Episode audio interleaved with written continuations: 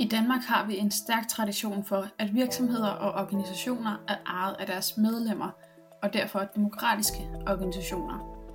Det gælder alt fra supermarkeder, forsikringsselskaber, boligforeninger og meget mere.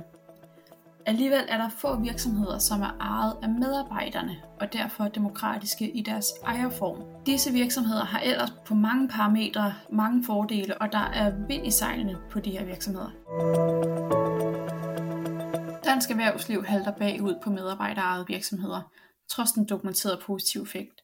Jeg har talt med Andreas Pinstrup Jørgensen om, hvilke fordele der er ved at være medarbejderejet virksomhed, og hvordan virksomheder kommer i gang. Andreas er stifter og direktør for Tænketanken Demokratisk Erhverv, samt han er forfatter til bogen af selv samme emne og med det passende navn Medejer. Når medarbejderne er medejere af virksomheden, så bliver medarbejderne engageret på et helt andet niveau, og det kan ses i de demokratiske beslutninger.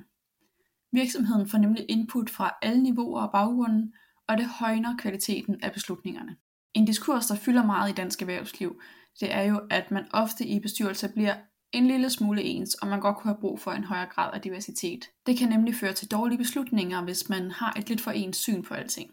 I en medarbejderejet virksomhed er der jo naturligt nok en meget større grad af mangfoldighed i beslutningerne, og det er en af årsagerne til, at de her virksomheder leverer bedre resultater, fortæller Andreas mig.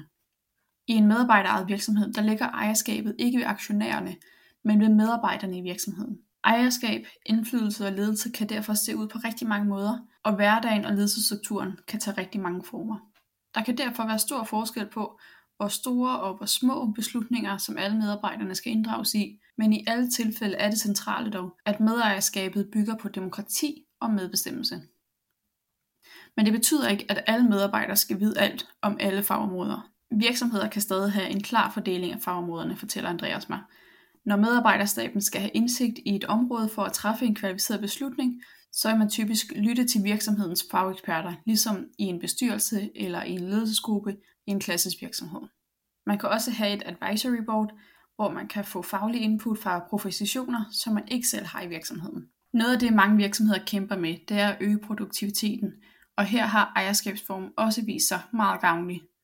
Der er nemlig en styrke i det faglige input, som medarbejderne bidrager med, og faktisk er demokratiske virksomheder generelt mere produktive end klassiske virksomheder. Der er intet, der tyder på, at medarbejderejede virksomheder har et lavere fagligt niveau i deres beslutninger, snart tværtimod, siger Andreas. Den samlede mængde viden, som medarbejderne besidder, giver nemlig et fundament, som man kan træffe meget kvalificerede beslutninger ud fra. Det betyder, at virksomhederne kan øge produktiviteten, og at strategiske beslutninger faktisk kommer ud og leve i organisationen. At være en medarbejderejet virksomhed, det stiller også nogle andre krav til ledelsen. De skal ture og afgive kontrol, og at lægge store dele af ansvaret ud til medarbejderne. Når beslutningerne decentraliseres på den her måde, så vil det også betyde, at ledelsen ikke altid er enig i alle beslutninger, og der vil selvfølgelig også stadig blive begået fejl. Og det kan virke ret angstprovokerende for en ledelsesgruppe, men det gavner virksomheden, og der bliver jo også begået fejl i traditionelle virksomheder. Ligesom det sætter nogle anderledes krav til ledelsen, så sætter det jo også nogle andre krav til medarbejderne. De skal have et stort engagement i hele virksomheden. I klassiske virksomheder, der behøver en medarbejder kun at interessere sig for beslutninger, der påvirker lige præcis deres dagligdag, da de store beslutninger ofte bliver truffet højt op i hierarkiet. Men det er en anden hverdag, når man er medejer. Man skal være nysgerrig, og man har selv lagt hånden på kogepladen.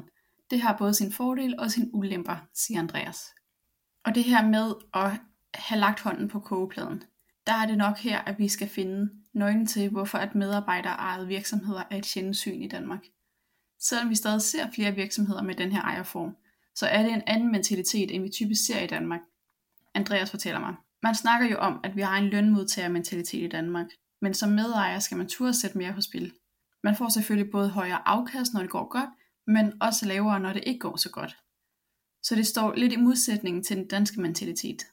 I praksis betyder det dog sjældent vildt meget for den enkelte medarbejder, men risikoen er der, slutter Andreas. Og da jeg snakkede med Andreas, der gav han mig tre gode råd til, hvis du som virksomhedsejer overvejer at omlægge din virksomhed til medejerskab.